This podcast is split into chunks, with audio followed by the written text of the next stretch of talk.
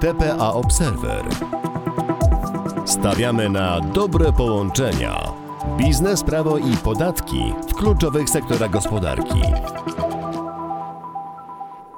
Branża IT od kilku lat jest jednym z głównych beneficjentów preferencyjnych regulacji podatkowych. Aktualnie polskie przepisy oferują szeroki wachlarz ulg m.in. właśnie dla tej branży. Powoduje to, że znakomita większość firm z tego sektora oraz osób pracujących w takich firmach może skorzystać z preferencji podatkowych. Ja nazywam się Mikołaj Ratajczak, jestem doradcą podatkowym i associate partnerem w dziale podatkowym TPA Poland i w dzisiejszym odcinku wraz z Michałem Solarskim, radcą prawnym i senior konsultantem w dziale podatkowym TPA Poland, przybliżymy Państwu najistotniejsze ulgi podatkowe dla sektora IT. Dzień dobry Państwu. Michał, to może zacznijmy od początku. Z jakich ulg mogą obecnie korzystać przedsiębiorcy związani z sektorem IT? A może właściwie będzie osoby związane z tym sektorem, bo przecież ulgi te nie tylko są kierowane do przedsiębiorców. E, w sektorze IT kluczowe są przede wszystkim 50% koszty uzyskania przychodów, IP Box e, oraz ulga B R, a od tego roku na popularności zyskuje też ulga na innowacyjnych pracowników, która jest uzupełnieniem tej ostatniej ulgi, e, czyli ulgi badawczo-rozwojowej. Preferencje te potencjalnie obejmują znakomitą większość podmiotów zajmujących się wytwarzaniem, rozwijaniem i ulepszaniem oprogramowania komputerowego, a także, jak słusznie zauważyłeś, osób tam zatrudnionych lub współpracujących w takich firmach. To jakbyś mógł powiedzieć, na czym one polegają? Do kogo są kierowane? Myślę, że moglibyśmy mm, podzielić je na dwie grupy z perspektywy beneficjentów. Pierwsza, czyli ulgi skierowane bezpośrednio do firm z sektora IT, w tej grupie mamy IP Box, ulgę badawczo-rozwojową oraz ulgę na innowacyjnych pracowników, a także drugą grupę, czyli ulgi dedykowane pracownikom i współpracownikom B2B. E, tutaj mamy IP Box e, oraz 50% koszty uzyskania przychodów. W pierwszym przypadku ulgi korzystnie wpływają na wynik podatkowy firm, podmiotów zatrudniających. Z kolei druga grupa to ulgi, których beneficjent, beneficjentami mogą być pracownicy danej firmy czy też współpracownicy B2B. To zacznijmy od IP Box. Nazwa ta padła w Twoim zestawieniu dwa razy. Dlaczego? E, z ulgi tej może skorzystać e, zarówno firma, jak i współpracujące z nią osoby prowadzące jednoosobowe działalności gospodarcze. W ostatnim czasie coraz częściej o IP Boxa pytają nas klienci w kontekście właśnie wdrożeń ulgi dla swoich współpracowników B2B. A na czym polega IP Box? IP Box to preferencja umożliwiająca skorzystanie z 5% stawki podatku dla opodatkowania kwalifikowanego dochodu uzyskiwanego z komercjalizacji tzw. Tak kwalifikowanych praw własności intelektualnej, które to zostały wytworzone, rozwinięte lub ulepszone w ramach prowadzonej przez podatnika działalności badawczo-rozwojowej. Będą to, będzie to na przykład sprzedaż oprogramowania komputerowego. 5% nie tylko na tle standardowej 19% stawki, ale nawet tej obniżonej, czyli 9% stawki CIT dla małych podatników brzmi bardzo zachęcająco. To w takim razie pójdę dalej. A czy możliwe jest korzystanie z tej preferencji równocześnie przez spółkę, jak i jej współpracowników pracujących na. Tak zasadach B2B?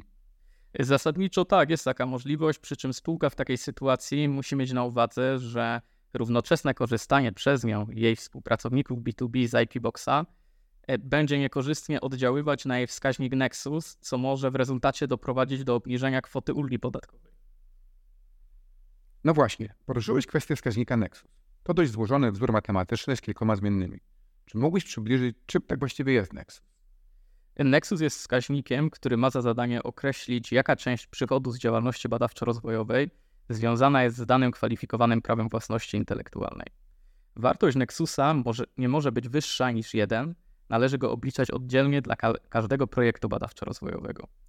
Prawidłowe obliczenie tego wskaźnika jest o tyle istotne, że wpływa on na finalny wynik korzyści podatkowej, z tego powodu, że wysokość dochodu z kwalifikowanego prawa własności intelektualnej ustalana jest jako iloczyn dochodu i wskaźnika Nexus. Wzór jest tak skonstruowany, że preferuje własne prace badawczo-rozwojowe podatnika lub nabyte od podmiotu niepowiązanego, a dyskryminuje nabycie takich prac od podmiotu powiązanego lub nabycie wytworzonego, czyli już gotowego prawa własności intelektualnej.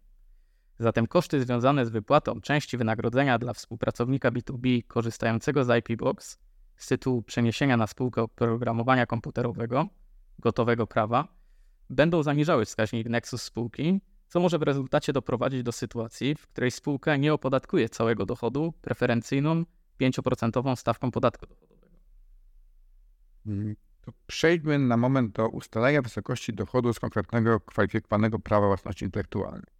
Wspomniałeś, że w tym celu należy pomnożyć kwotę osiągniętego dochodu i wskaźnika Nexus obliczonego dla tego prawa.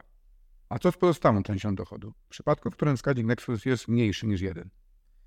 Pozostała część dochodu, która nie będzie podlegać opodatkowaniu preferencyjną 5% stawką podatku, winna zostać wykazana w zeznaniu podatkowym i opodatkowana łącznie z pozostałymi dochodami, dochodami z działalności gospodarczej na zasadach ogólnych. Czyli jeśli wskaźnik Nexus wyniesie na przykład 80%, to 80% dochodu z komercjalizacji tego konkretnego kwalifikowanego prawa własności intelektualnej, czyli na przykład wynikającego ze sprzedaży, licencji, stworzonego programu czy gry, zostanie opodatkowane 5% stawką podatku dochodowego, a pozostałe 20% stawką standardową, na przykład 19%. Rozumiem. Przejdźmy może zatem do kolejnej ulgi. To ulgi na działalność badawczo-rozwojową. Możesz wyjaśnić, na czym ona polega? E, ulga B plus R jest w zasadzie najstarszą z aktualnie dostępnych ulg. Jest ona skierowana do podatników, którzy prowadzą działalność badawczo-rozwojową, czyli działalność cechującą się twórczością, systematycznością, obejmującą badania naukowe lub prace rozwojowe oraz podejmowaną celem zwiększenia oraz wykorzystania zasobów wiedzy do tworzenia nowych zastosowań. Muszę przyznać, że przytoczony przez Ciebie zespół cech działalności badawczo-rozwojowej brzmi trochę enigmatycznie. Czy mógłbyś to spróbować przełożyć na bardziej przyjazny język? Rzeczywiście, definicja działalności badawczo-rozwojowej jest bardzo nieostra pewnym uproszczeniu możemy przyjąć, że jest tu zespół działań o twórczym charakterze, podejmowanym w celu tworzenia pewnych innowacji na skalę przedsiębiorstwa. Nie muszą to być nowatorskie rozwiązania branżowe dla całego rynku krajowego czy światowego. W przypadku branży programistycznej problem jest o tyle mniejszy, że w świetle wypracowanej linii interpretacji organów podatkowych zasadniczo tworzenie np. gotowego oprogramowania komputerowego potencjalnie wpisuje się w działalność badawczo-rozwojową. Oczywiście praktyka pokazuje, że każdy przypadek jest inny i wymaga głębszej analizy sposobu realizacji konkretnych projektów oraz samego charakteru produktu końcowego. E, mimo wszystko zdajemy sobie sprawę z tego, że taka kwalifikacja choćby potencjalnej działalności badawczo-rozwojowej w firmie IT może być, może być trudna. Z tego powodu, jeśli któraś ze słuchających nas osób chciałaby sprawdzić, czy prowadzona przez jej firmę działalność kwalifikuje się do ulgi badawczo-rozwojowej, to zapraszamy do wypełnienia stworzonego w tym celu formularza, a nasz zespół chętnie dokona takiej wstępnej, bezpłatnej analizy. Link do formularza znajduje się w opisie niniejszego podcastu oraz na stronie TPA Poland w zakładce specjalizacje branża IT. No dobrze. Wróćmy jeszcze do istoty naszej ulgi. No właśnie, jest to preferencja kosztowa uprawniająca do odliczenia od podstawy opodatkowania kosztów kwalifikowanych przeznaczonych na prace badawczo-rozwojowe które zaliczono już do kosztów uzyskania przychodów na zasadach ogólnych w ciągu roku podatkowego. W praktyce zatem ulga umożliwia dwukrotne odliczenie tych samych wydatków, jeżeli zostały przeznaczone na prace badawczo-rozwojowe, a w przypadku wydatków ponoszonych od stycznia 2022 roku na wynagrodzenia pracowników oraz osób współpracujących na podstawie umów zlecenia czy dzieła wykonujących działalność badawczo-rozwojową, nawet trzykrotnie. A czym dokładnie są te koszty kwalifikowane? Czy jest jakiś katalog, co może być takim kosztem? E, tak, ustawa wskazuje enumeratywnie rodzaje wydatków związanych z prowadzeniem działalności badawczo-rozwojowej, które to kwalifikują się na ulgę B plus R, przy czym katalog ten jest bardzo szeroki i obejmuje większość wydatków, jakie można ponieść w działalności operacyjnej. Będą to na przykład wspomniane koszty osobowe, odpisy amortyzacyjne od środków trwałych i wartości niematerialnych i prawnych, wykorzystywanych w działalności badawczo-rozwojowej czy wydatki na specjalistyczny sprzęt.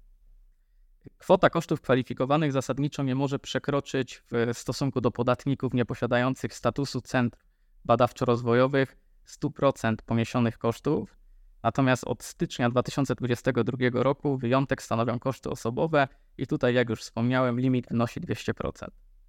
Samo podniesienie limitu kosztów osobowych do 200% to bardzo korzystna zmiana szczególnie z perspektywy firm IT, których największym, a często nawet jedynym kosztem rozpoznawanym w ramach ulgi jest właśnie koszt wynagrodzeń wypłacanych pracownikom, współpracownikom e, B plus R. Myślę, że wielu firmom, szczególnie na wczesnym etapie rozwoju, czy też na przykład startupowi, może nasunąć się pytanie, a co w przypadku, w którym łączna suma kosztów kwalifikowanych przekroczy sumę dochodu do opodatkowania w danym roku podatkowym? Czyli firma będzie w początkowym okresie na stracie, albo jej zyskowność będzie na tyle niska, że nie pozwoli w pełni skorzystać z wypracowanej ulgi. Na szczęście przepisy przewidują taką sytuację. Po pierwsze, podatnicy mają 6 kolejnych lat podatkowych na rozliczenie niewykorzystanej części ulgi, czyli skorzystanie z tej korzyści zostanie odłożone w czasie, ale nie powinno przepaść w założeniu oczywiście, że firma osiągnie odpowiednią rentowność w kolejnych latach.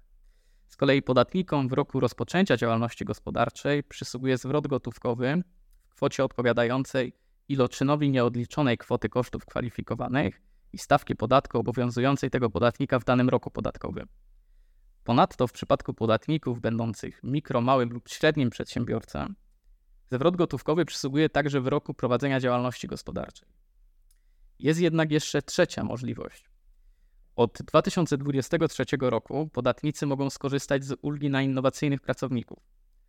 Ulga ta pozwala pomniejszyć kwotę zaliczek na PIT od wynagrodzeń osób zajmujących się pracami badawczo-rozwojowymi o niewykorzystaną przez podatnika część ulgi badawczo-rozwojowej z poprzedniego roku podatkowego.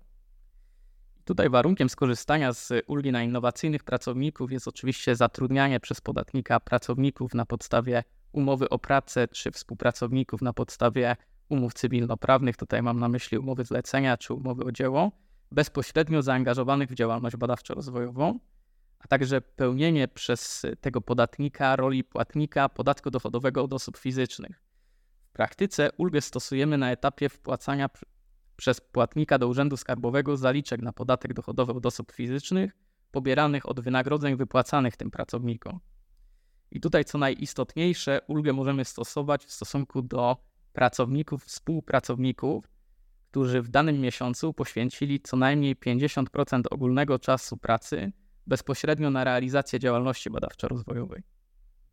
Okej, okay, czyli innymi słowy, w przypadku tej ulgi e, na innowacyjnych pracowników, przedsiębiorca nie odzyskuje kwoty ulgi B plus R poprzez zmniejszenie swojego podatku dochodowego, tak jak to ma miejsce standardowo, nie otrzymuje też jej w formie bezpośredniego przelewu, czego mogą korzystać tylko nowe firmy albo mniejsi przedsiębiorcy, ale wraca ona do niego zmniejszając zobowiązania z tytułu miesięcznych zaliczek PIT od zatrudnionych pracowników, tak? Dokładnie tak. W każdym wypadku ekonomicznie ulga ta wraca do przedsiębiorcy, finalnie zwiększając jego środki finansowe. Co więcej, w świetle zmian dotyczących podwyższenia limitu kosztów osobowych do 200% od 2022 roku, Moim zdaniem ulga na innowacyjnych pracowników będzie w następnych latach bardzo popularnym udogodnieniem podatkowym wykorzystywanym w sektorze IT. Rzeczywiście te korelacje między ulgą B plus R oraz ulgą na innowacyjnych pracowników prezentują się atrakcyjnie. To przejdźmy może do ostatnich z wymienionych ulg, czyli ulgi w postaci 50% kosztów uzyskania przychodów. Na czym ona polega? E, standardowo osoba zatrudniona na podstawie umowy o pracę może odliczyć od uzyskanego przychodu 250 lub 300 zł miesięcznie, co w praktyce przekłada się na odpowiednio 3000 lub 3600 zł w całym roku podatkowym. Zatem wartości tych e, odliczeń są niewielkie. Natomiast przepisy przewidują sytuacje, w których możliwe jest w stosunku do pewnej grupy pracowników zastosowanie preferencyjnych 50% kosztów uzyskania przychodów do tej części wypłaconego im wynagrodzenia, które stanowi tzw. Tak honorarium autorskie. Warto przy tym podkreślić, że to odliczenie nie jest nieograniczone. Przepisy stanowią, że w przypadku podwyższonych autorskich kosztów uzyskania przychodów w roku podatkowym nie mogą one przekroczyć kwoty 120 tysięcy złotych, co odpowiada w przybliżeniu przychodom w wysokości około 270 tysięcy złotych rocznie. Czyli, jak dobrze rozumiem, Zastosowanie tej ulgi sprowadza się do tego, że pracownik rozliczy, oczywiście rękami pracodawcy, takie nieco wirtualne koszty w wysokości połowy wynagrodzenia. To w finalnym rozrachunku spowoduje, że otrzyma istotnie wyższe wynagrodzenie netto. Dokładnie tak. Z perspektywy pracodawcy jest to także korzystne rozwiązanie, ponieważ pozwala zaoferować pracownikowi atrakcyjniejszy, bardziej konkurencyjny system wynagradzania. W praktyce pracownik objęty preferencją otrzyma wyższe wynagrodzenie netto, bez dodatkowego obciążenia finansowego po stronie pracodawcy. A czy z ulgi 50% kosztów uzyskania przychodów mogą skorzystać wszyscy zatrudnieni pracownicy? Z podwyższonych kosztów uzyskania przychodów nie może skorzystać każdy pracownik. Preferencja dostępna jest wyłącznie dla tej twórczej części personelu, czyli pracowników, którzy wykonują prace twórcze i tworzą utwory chronione prawem autorskim, m.in. w ramach działalności twórczej w zakresie programów komputerowych. Z preferencji mogą skorzystać za, zarówno osoby zatrudnione na podstawie umowy o pracę, jak i osoby współpracujące na podstawie umów cywilnoprawnych. Natomiast y, współpracownicy B2B nie są objęci ulgą. Takie osoby mogą rozważyć skorzystanie z innych preferencji w podatku dochodowym, np. wspomnianej już przeze mnie dzisiaj ulgi IP Box. No dobrze, to spróbuję to wszystko, o czym dzisiaj sobie powiedzieliśmy, krótko podsumować. Pierwsza ulga na działalność B plus R to ulga związana ze stroną kosztową na etapie tworzenia produktu.